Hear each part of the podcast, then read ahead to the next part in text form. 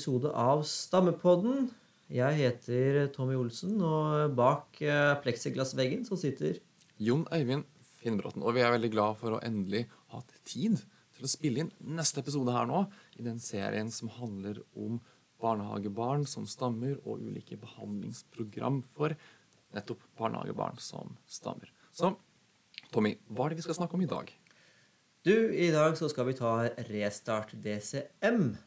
Ok, Skal vi ta nå i dag. Vi har jo tidligere tatt uh, Paley PCI, og vi har tatt uh, Minikids. Mm -hmm. uh, kan da legge til at uh, vi i april faktisk arrangerer et uh, tre dagers workshop i Minikids. Det stemmer.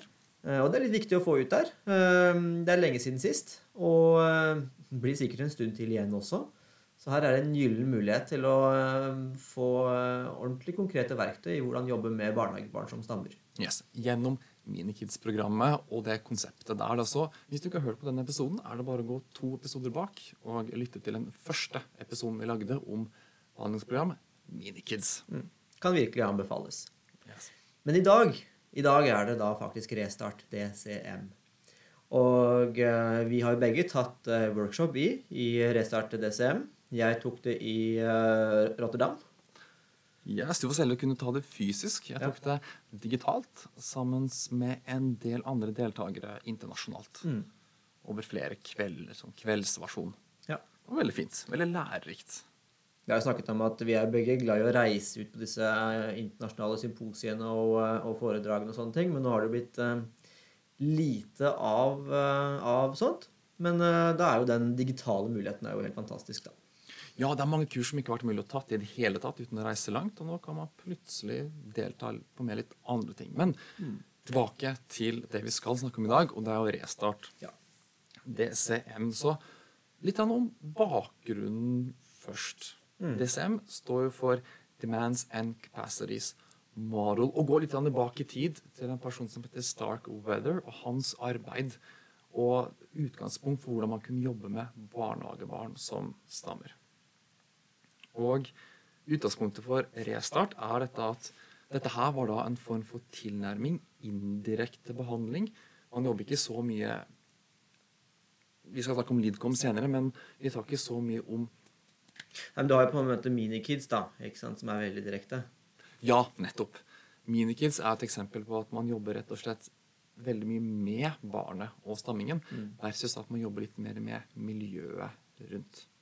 Og denne DCM-behandlingskulturen eh, spredde seg i Nederland. Og i en tid hvor det ble mer og mer studier om effekt, hva slags effektbehandling kan ha, så var det da et team som rett og slett lagde dette programmet litt mer systematisk. En slags manual, stegvis instruks på hva du kunne gjøre. Og det er dette som er restart DCM. Så det er jo én versjon av behandling etter Demands and Capacities maro. Og DCM, Tommy, hva står det for? Ja, alle ting som skal huskes, bør repeteres tre ganger, vet jeg. Så du har jo sagt det et par ganger nå, men demands and capacities er jo da kapasitet og krav. Yes, kapasitet og krav. Og hva er det vi legger i det? Altså eh, Kapasitet er jo på en måte barnets iboende ferdigheter og evner. Eh, og f.eks. Restart ECM er jo veldig opptatt av eh, Den har jo ulike domener, da, men bl blant annet er de veldig opptatt av talemotorikken. For eksempel. -hmm. og da hvilke ferdigheter og evner barna har når det kommer til f.eks. talemotorikk og de parameterne som vi måler der. Riktig. Og så har du krav. Krav som stilles til barnet. Ikke at vi nødvendigvis vet om de kravene, men de ligger der. Ikke sant? Um, og, og det er jo da kapasitet og krav, enkelt fortalt. Yes, Enkelt fortalt. Og det er også viktig å tenke der at det er ikke bare snakk om ytre krav, men også hvilke krav barnet stiller til seg sjøl, ønsker. Så DCM-modellen og DCM har litt som utgangspunkt at man tenker at barna har forutsetninger for å snakke flytende og kommunisere. Og grunnen til at det kanskje blir en periode med stamming, er da at Ok, så Nå må jeg holde tunga rett i munnen. Så akkurat her og nå så er det slik, hvis vi tenker oss en vektskål, at barnets evner, capacities, veier mindre enn barnets krav her og nå. Så du kan tenke deg at kravet som barnet stiller overfor seg sjøl, og krav rundt i miljøet for kommunikasjon, utviklingsmessig alt sammen, veier mere enn barnets utvikling her og nå. Kapasiteten både i seg sjøl og det som blir tilrettelagt rundt her og nå. Stemmer ikke det? Tror jeg Jo. klarte å formulere det riktig. Ja, det kan være på en måte litt vanskelig å skulle forklare noe også på norsk på den måten der. Vi sier Mm. jo, vi sier jo ganske enkelt når kravene til taleflyt overstiger barnets kapasitet for taleflyt. da. Ja. Og, og et eksempel her når det gjelder f.eks. talemotorikk, er at hvis, hvis barnet har en svært høy artikulasjonshastighet, Mhm. og den hastigheten er såpass høy at, eh, at den rett og slett ikke lenger samsvarer med hva barnet egentlig er i stand til for å snakke flytende, så vil du få et, eh, et brudd i taleflyten. Da, og da vil stamming f.eks. kunne være resultatet av noe sånt. Og Det er et godt eksempel på hvordan barnet sjøl kanskje har lyst til å prate fort, men kanskje ikke så fort som den har utviklet både de motoriske ferdighetene sine. Kanskje på en måte at de språklige ferdighetene og ønsket er litt høyere. Mm. Og da blir det en slags ubalanse, som de Ja. sier, En ubalanse. ja, som, som fører til mer taleflyt. Som, som man kan rett og slett tenke seg en vektskål. Hvor man på den ene siden putter barnets eh, evner og capacities, kapasitet, evner her og nå innenfor motoriske forhold, språklige forhold, emosjonelle forhold og kognitive forhold. På den andre vektskåla putter man det samme, men da tenker vi at vi heller snakker om krav. Iboende krav hos barnet og krav i miljøet. Ja. Når vi får den skjevheten ved rett og slett at kravene veier mer, at den tipper mot én side, så tenker man da at her og nå så blir det da mer taleflytbrudd. Og at vi får episoder og perioder med stamming. Og, og barnets kapasitet er jo stadig i utvikling i den aldersgruppen som vi snakker om her nå. ikke sant? Så vi kan godt ha nevrologiske funn også som man har sett gjennom forskning, og se at på en måte, ah, det passer egentlig ganske bra inn her. For det kan jo faktisk være sånn at hjernen over natta gjør en justering som plutselig gjør at dagen etter da, så vil, eh, vil barnet være mer sårbart f.eks. for, for taleflytbrudd. Nettopp. Og Ja, jeg har hørt flere ganger de siste par Eller under korona spesielt, når jeg fikk ganske mange barnehagesaker, at det var en forelder som rett og slett poengterte dette at det virker som om når en periode med stamming er over, på en uke eller et par uker, så snakker hun mye mer komplisert. Mye mer lengre setninger, mer språk. Og liksom inn i DSM-modellene kan man tenke seg at ok, men de ukene med stamming kanskje da var en liten ubalanse mellom evnene og den språkutviklingen som foregikk. Men så ble det en slags normalisering, en likevekt etter hvert. Og til slutt så hørte da foreldrene at ok, men nå har det virkelig skjedd en sånn språklig liten spurt. Mm. Og mer komplisert språk. Det er ganske mange foreldre som opplever det, at, uh, at en periode med stamming avløses av eh, større ordforråd og eh, et, eh, et, eh, ja, et mye sterkere språk, da. Rett og slett. Så, så, det er også et, et, godt eksempel. Og så har du, har du også gode eksempler som går på det eh, emosjonelle, eksempel. Hvis du har barn som f.eks. gleder seg veldig mye til, til juleferie og sommerferie og sånne ting, så vil også kanskje det emosjonelle faktisk gjøre at barnet blir mer sårbart for taleflytbrudd. da. Da er det episoder der og da igjen, veldig som du husker jeg fra kurset og workshopen og ettertid når jeg brukte det sjøl også, virker poengtere at det er liksom litt sånn her og nå-situasjonen. Man blir veldig ivrig. Hva skjer da? Man blir mer aktiv, det er mer man skal si. Og så, og så stammer man plutselig Ja. mer akkurat der og da. Så det er på en måte noen ting som måte kan utløse litt mer, eller ja, stamming der og da. Og eh, nå snakker vi jo litt om eh, kapasitet og kravmodellen som en slags årsaksforklaring til stamming også. Men jeg tenker også at det er mange, mange voksne som kan fint bruke denne modellen til å forklare hvordan stammingen sin varierer fra dag til dag også. Mm. For eksempel at hvis du har vært, vært, syk, kanskje du opplever at det blir mer stamming, og da kan du godt forklare det ut fra at uh, man på en måte har ikke like mye energi og sånne ting, og man blir mer sårbar for taleflytbrudd. da. Riktig. Um, så det er jo også sånn at uh, Starkweather holdt jo en del kurs i Nederland i den uh, Demands and Capacities-modellen. Og så har de jo da uh, rendyrket dette her nå til et program som litt mer, har litt mer stram struktur. Mm. Og vi kan egentlig da gå, gå, litt mer inn på selve strukturen av Restart ECM. Så dette er jo en type behandling som krever at du har litt oversikt over barnets motoriske evner, språklige evner, emosjonelle evner, kapasitet, hvordan barnet reagerer, og så kognitivt nivå, kan man på en måte si. Og med det, Tommy, så kan vi egentlig gå litt inn på selve oppbygninga av Restart DCM. Fordi nå har vi kasta ut en ord som motoriske ting, språklige ting, det mm. emosjonelle. Og man må starte, akkurat som med PCI og med Minikids, en ganske brei kartlegging mm. for å rett og slett klare å fylle ut og få god informasjon om barnets kognitive nivå, emosjonelle nivå, hva, hvordan er det barnet reagerer på ting, mm. språklige ferdigheter, og også motorisk, sånn type talemotorisk nivå. Mm. Og det er jo dette her da, som danner bakgrunnen for den derre stegvise behandlingen. Mm.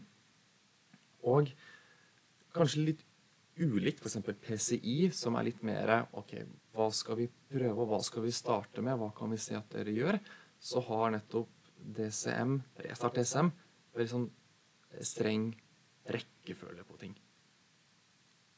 Vil du si litt om den rekkefølgen? Nei, altså uh, For det første da, så er jo Restart DCM mye mer detaljert i hvilke Den innhenter jo informasjon veldig mye mer spesifikt, tenker jeg. Da tenker jeg på de ulike domenene som vi snakker om her, eller som vi har uh, snakket om. Uh, når vi snakker om rekkefølgen på, uh, på, ting, da tenker du på de ulike fasene, ikke sant? Ja, jeg tenker på de fasene. Ja. Hvordan man skal prøve å bygge det opp. Ja. Og du har jo den, den, har jo den første fasen. Og det er jo i den fasen hvor du Selvfølgelig, dette bygger på at vi har nå kartlagt barnet ganske grundig og vet litt måte, hvordan eh, situasjonen ser ut da, for akkurat dette barnet.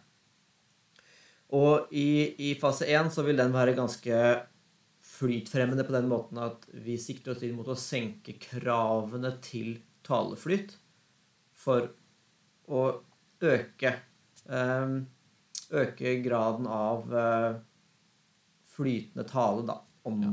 du vil. Og det innebærer at man starter med sånne egne samspillstunder.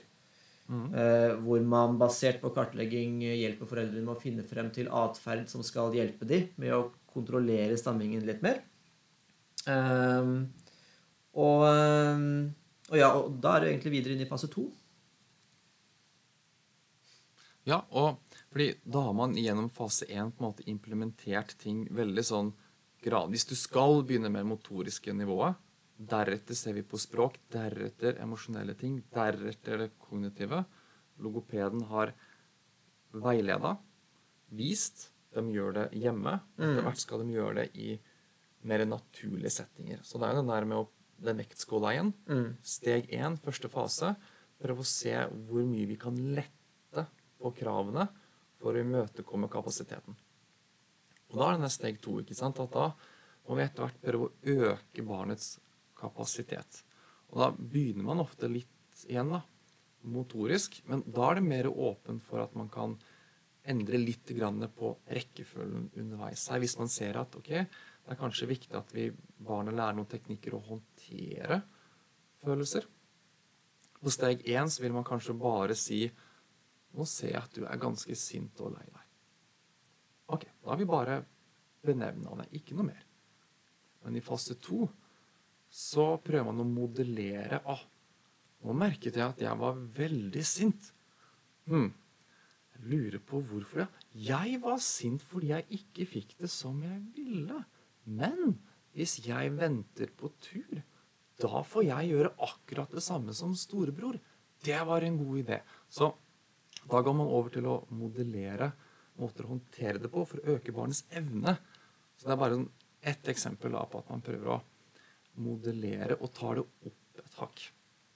Og igjen da, på samme måte, man bare går gjennom det man har funnet fra kartleggingen, for å da se om ved å styrke kapasiteten at man da klarer å igjen komme mer likevekt. Mm. Og eh, hva er målet, da, Jon Øyvind? Etter at du har gått gjennom fase 1, du har jobbet med å senke kravene til taleflyt, fase 2, du har jobbet med barnets kapasiteter Hva er det som For det er jo også en fase 3 her. Mm. Men eh, det er, vel, eh, det er vel ikke alle som nødvendigvis skal inn i fase 3? Nei, sånn, Man kan jo si at litt sånn som minikids, kanskje, så er det et slags første primærmål. Primærmål er jo at man skal prøve å gjøre disse tingene for å hjelpe og støtte kommunikasjonen, og se da om stammingen vil redusere, og at foreldrene får en følelse av at de håndterer situasjonen og vet hva de skal gjøre, til det nivået at da stammingen opphører. Men så har vi en fase tre, som du sier, hvor man da går inn med mer direkte behandling. Og hvis man da ser at det fremdeles er en del stamming, og foreldrene også ønsker å jobbe mer med det for å støtte barnet sitt og støtte kommunikasjonen, så kan man både jobbe med mer stammemodifikasjon, sier de, og mer det de kan få speech modification. Mer sånn talemodifikasjon. Ja. Vil, ja, ikke sant? Jeg vil ikke det for på en måte flytstrategier. ikke sant? Ja. At du kan, Hvordan du skal si noe helt uten å stamme. Det syns jeg er, er litt kult her, at det også har stammemodifikasjonen inn der. Mm. Som jeg syns er litt kult. Instruksen på det er jo litt mindre. De snakker liksom om at man da skal lære om pseudostamming, forskjellige typer stamming, modifisere stammeøyeblikk og lære hard og løs stamming. Litt sånn, egentlig veldig minikids. I manualen til Restart er det Mm. skrevet på ett avsnitt på fire setninger. Minikids er en bok. Eh, Og så har du delt alternativet, altså speech modification, men typisk snakke fort, sakte, mykt litt. Mm. Mer så av den typen som også finner i PCI, for så vidt. Mm. Og igjen, da, litt sånn ved veis ende, så kommer vi egentlig til en slags siste fase. Og det er at man prøver å minimere den behandlingen man har gjort. De tiltakene man har gjort. Alt det man har iverksatt, prøver å gjøre mindre mindre av det, til man kommer tilbake til en mer på en måte naturlig hverdag, uten at man gjør alle disse tingene for å støtte barnet. Mm. Men så er det også her veldig viktig at man har laget en slags, eh, en slags plan for hva man gjør hvis så skulle være at stammingen skulle øke på igjen. Hvilket det kan godt hende at eh, det gjør også. Så man kutter ned på eh, det man har implementert, men skal man, skal, man skal vel også være ganske parat til å ta det i bruk igjen? Skal man ikke det ved behov?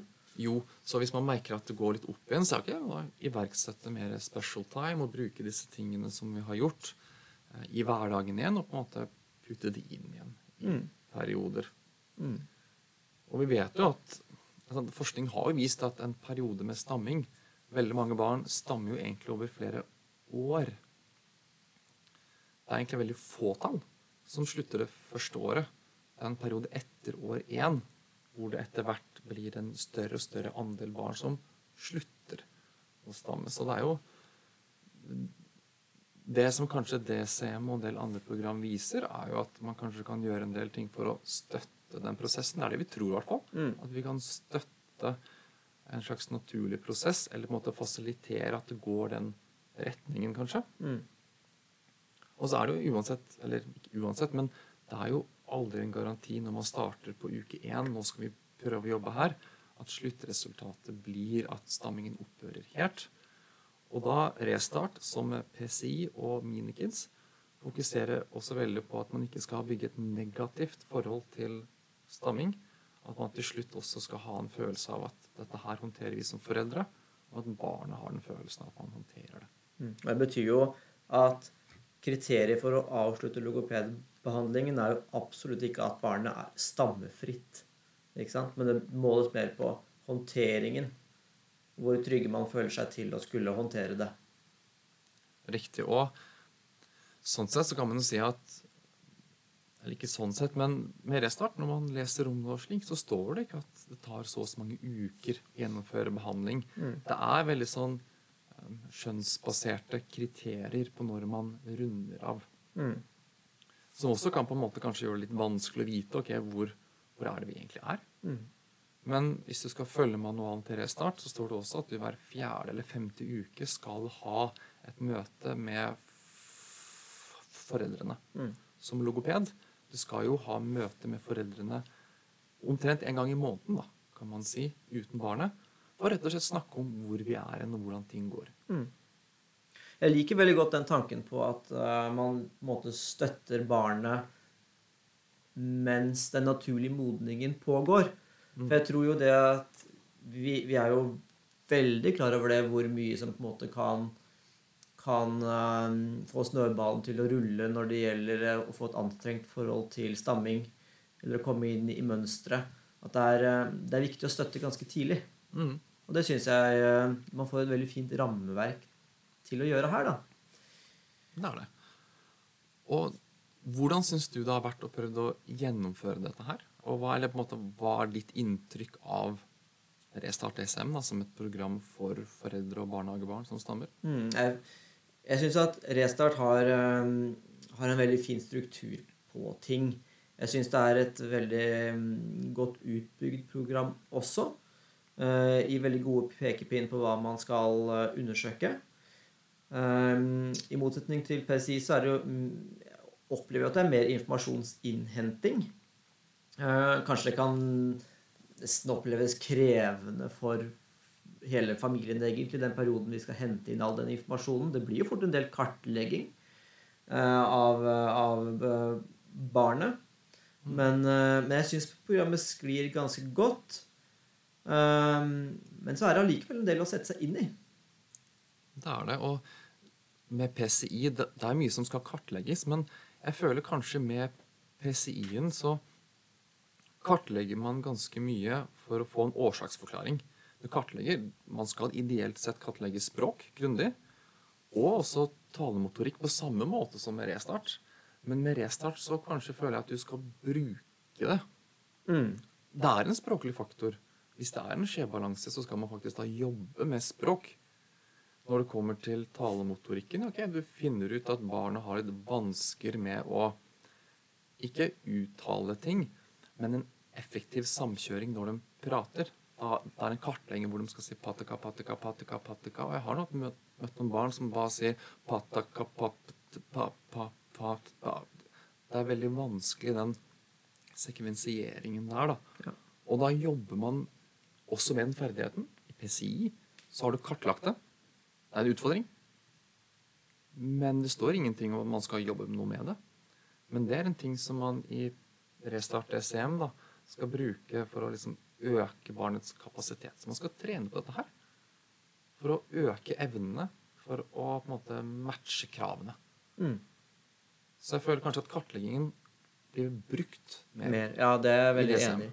Det er veldig enig. Og den, denne, denne talemotoriske biten, så vises det jo en del til noe forskning fra USA, hvor man har faktisk sett uh, at uh, guttebarn hadde Eller guttebarn som stammet, da, hadde en god del svakere motoriske eller ja, eh, oralmotoriske ferdigheter enn en andre barn. Mm.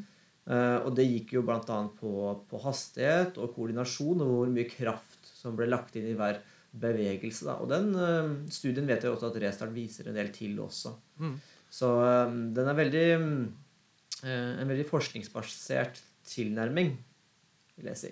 Det er det. Og det er jo akkurat det den er blitt forsket på. Så grunnlaget, sånn Restart SM, er jo sluttresultatet av at vi er nødt til å prøve å rydde opp i rekkefølgen på ting for å kunne studere det. Og det var en studie som kom her, det var 2017. Nei, 15, 16, 17. En eller annen gang i perioden mellom 15 og 17. Hvor man da sammenligna DCM, Restart DCM, med Lidcom. Det var sånn ca. 100 barn som ble plassert tilfeldig i en av gruppene. Enten fikk de Lidcom-behandling eller Restart-SM. Og sum summarum, konklusjonen er at på alle effektmål, 18 måneder etter at programmet begynte, at de starta med behandling, så var ikke forskjellen større enn at man sa at det ikke er noen forskjell på gruppenivå. Mm. Så hvordan de 100 som fikk Restart-SM i snitt gjorde det, hvor mye de stamma i snitt sammenlignet med Lidcom, var altså sammenlignbart likt. Mm. Like effektivt, kaller vi det da. Mm. Så sa man vel også at Lidcom hadde noe raskere nedgang de første tre månedene, Det er riktig. var det vel. Men, men sluttresultatet etter de 18 månedene var vel Sluttresultatet var likt. Og det Ja. har også vært Dette er ikke offisielle tall som er blitt publisert så langt, men i en del konferanser og sånn, så har de også vist at det virka som om kanskje Lidcom eh, var litt raskere, og kanskje også så vidt det er, men ikke så veldig målbart, men bitte litt bedre for type lett stamming. Mens restart var litt mer kanskje effektivt mot mer alvorlig stammegrad, altså hvor mye Mm. den stamma. Men den forskjellen her Man kunne se det på en måte på ok, men det er litt forskjell her. Men når en tar sånne statistiske tester og slike der ting, så var det ikke nødvendigvis signifikant. Det var ikke så stor forskjell at det på en måte er verdt å skrive noe om. Men de sier på konferansen at det er verdt å undersøke mer. For det kan hende at noe kanskje er bedre for enkelte barn, og noe er bedre for andre barn. Og det er jo interessant også. Helt avslutningsvis, Jon Øyvind, så, så får vi jo si Vi har jo snakket om Palin PCI, vi har snakket om Minikid, vi har snakket om Restart DCM. Yes. Og eh, vi må jo si at eh, selv om vi snakker om ulike behandlingsprogrammer, og at de har fått hver sin episode og den biten der, det er mange likhetstrekk også. Veldig mange likhetstrekk, rett og slett. Det kommer vi ikke bort ifra. Og sant, med, med DCM så har man delt inn rekkefølgen med å jobbe med motoriske ting, språklige ting, emosjonelle ting og kognitive ting. Og med PCI så jobber man jo kanskje med at foreldrene prøver å senke tempoet. Og det er liksom det første man gjør med Restart SM, er å hjelpe foreldrene til å roe ned taletempoet sitt når de leker med barnet sitt. Ikke slik at det blir robotprat, men at du prøver å ha en jevn, rolig flyt i leken, sånn som jeg prater nå. Mens det kanskje på BCI er noe man bestemmer med foreldrene, men ikke alltid. Det er like elementer man kan bruke. Restart føler jeg at du nesten har og bruker alt. Mens PCI så er det litt mer forskjellige ting man varierer mellom. Hva tenker du? Jeg, jeg tenker at lista i Restart SM-manualen er veldig god, som, som lister opp eh, eh, mulige target behaviors, da, som du kunne kalt altså det du har lyst til å, til å teste ut. Og da talehastighet, eller artikulasjonshastighet, er jo en av de. Men det er jo også flere. Og så er det på en måte fine lister nedover hva, hva er det vi kan prøve ut her. For det er ikke sånn at, at alle barn nødvendigvis begynner å snakke saktere av at de rundt snakker saktere. Så, så her må vi rett og slett prøve oss litt frem også. Eh, Men, eh, men det er veldig godt utbygd for å jobbe systematisk gjennom de ulike domenene. Og det liker jeg veldig godt. Nettopp. Og en annen ting er dette, dette med følelser. Så en annen ting da, som i stad også nevnte jeg dette her med at man i steg én vil kanskje benevne følelser, men så i steg to så begynner man å lære barn hvordan man skal håndtere det og få si litt mer enn bare å benevne det. Mens eh, med PCI eksempel, så går det kanskje mer all in Ja. når du jobber med ting med PCI, så er det både krav og kapasitet. Det er ikke så stor forskjell mellom de to. Det er mer, litt mer parallelt, føler jeg. Og så er vel også Restart DCM eh, noe mer på en måte logopedleda på en måte, i, i den form av at eh, i PSI så skal man jo gjerne sammen med foreldrene finne ut hva man ønsker å fokusere på. I Restart DCM så har vel logopeden så, så er vel logopeden noe mer styrende i hva man skal gå gjennom, føler jeg også. Ja, fordi i DSM så skal jo alltid logopeden modellere og vise og veilede. Nesten som en slags lærer.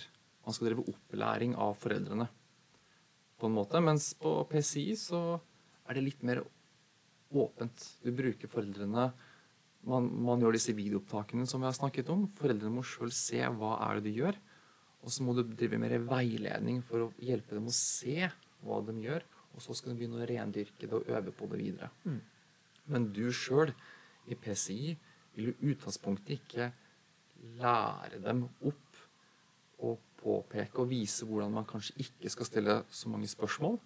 Hvordan man skal prate roligere. Du vil heller kanskje snakke om det litt mer generelt. Ikke modellere, men bare snakke om det. Og veilede og vise gjennom videoopptak av foreldrene. Mm. Det kan du gjøre. Eller hva kan du gjøre mer av? Og så sier de det sjøl. Mm. PLPC er jo også sterkere tidsavgrenset enn en hva Restart er også. Det også. Så det er, eh, for det er jo lett å sette de to behandlingsprogrammene litt opp mot hverandre. Fordi de kan De er på en måte litt i samme, samme familie. Mm. Eh, og så er det jo en diskusjon om hvilket program er det du på en måte velger her, da. Eh, fordeler og ulemper ved, med de, på en måte. Eh, men det er jo litt sånn vrient å egentlig finne ut av hvem, hvem er det vi skal bruke det med, og hvem er det vi skal bruke det med. på en måte. Ja, fordi man, man ender med å gjøre en del av det samme, men rammeverkene, for å bare repetere det, sant, at PCI skal du ha mellom tre og fem special time mm. på fem minutter i uka. Restart skal du ha minimum fem på 15 minutter. Med PCI så starter man med å gjøre ting i seks uker. Så skal du fortsette i seks uker, og så fortsetter du seks uker, og så fortsetter du seks uker. Men som regel med en del så er det kanskje bare at du du er en aktiv veiledningsrolle i seks uker. Seks uker på egen hånd, men så kanskje putter man mer på barnestrategier og andre ting hvis man vil det. Mens ved DSM så er det ukentlig, ukentlig, ukentlig, ukentlig. Du fortsetter og fortsetter og fortsetter til det punkt at man runder av. Så PCI er kanskje litt mer vi lærer foreldrene hvordan de skal gjøre det, fortsett med det. Mens DCM, så er det kanskje mer en holdning og en tanke om at vi er nødt til å lære opp foreldrene og nesten overvåke dem i å passe på hva de skal gjøre. Mm. Så det er veldig annerledes rammeverk. Men kanskje de tingene man har jobba med etter da 20 uker med DCM og PCI, gitt at man fortsetter å gjøre det man skal på PCI på egen hånd, kanskje være ganske likt til slutt. Så kanskje litt sånn ulike midler, men samme mål. På en måte. Og dette kommer vi til å prate litt om i den siste episoden i den uh, rekka her også, når vi nå neste gang skal ta for oss Lidcom-programmet. Så kommer vi til å sette av litt tid også, til å snakke litt om hvordan er disse programmene egentlig like også og, eh, og, ta en liten runde der. Så sum summarum er jo egentlig at det er jo ganske mye likheter. Og er, jeg syns det er vanskelig å tenke oi, nå skal jeg bruke den, nå skal jeg bruke den. Jeg syns jo begge programmene funker egentlig veldig fint. Og har sine fordeler og ulemper. Kanskje hvis foreldrene erkjenner, vi har ærlige samtaler om det, at eh, de kanskje har begrensa med tid for å oppsøke meg på kontoret. Ok, men da kanskje 20 uker med ukentlige timer. Begge foreldrene er kanskje litt vanskelig. Da blir det nok kanskje bedre å gi dem verktøy til å jobbe med mer på egen hånd og følge det opp gjennom PCI enn det er med Restart ECM. Mm. Det viktigste er i hvert fall at man forplikter seg til å følge et program fullt ut. Og det er da viktig at programmet også oppleves spiselig for de som skal utføre det.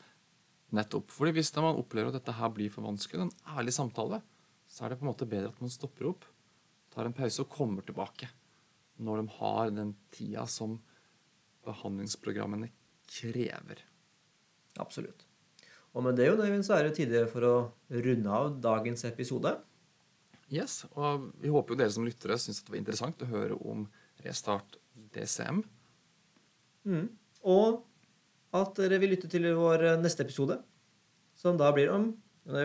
Lidcom-programmet. Lidcom Så med det så takker vi for i dag. Så høres vi. Yes. Ha det bra. Ha det bra.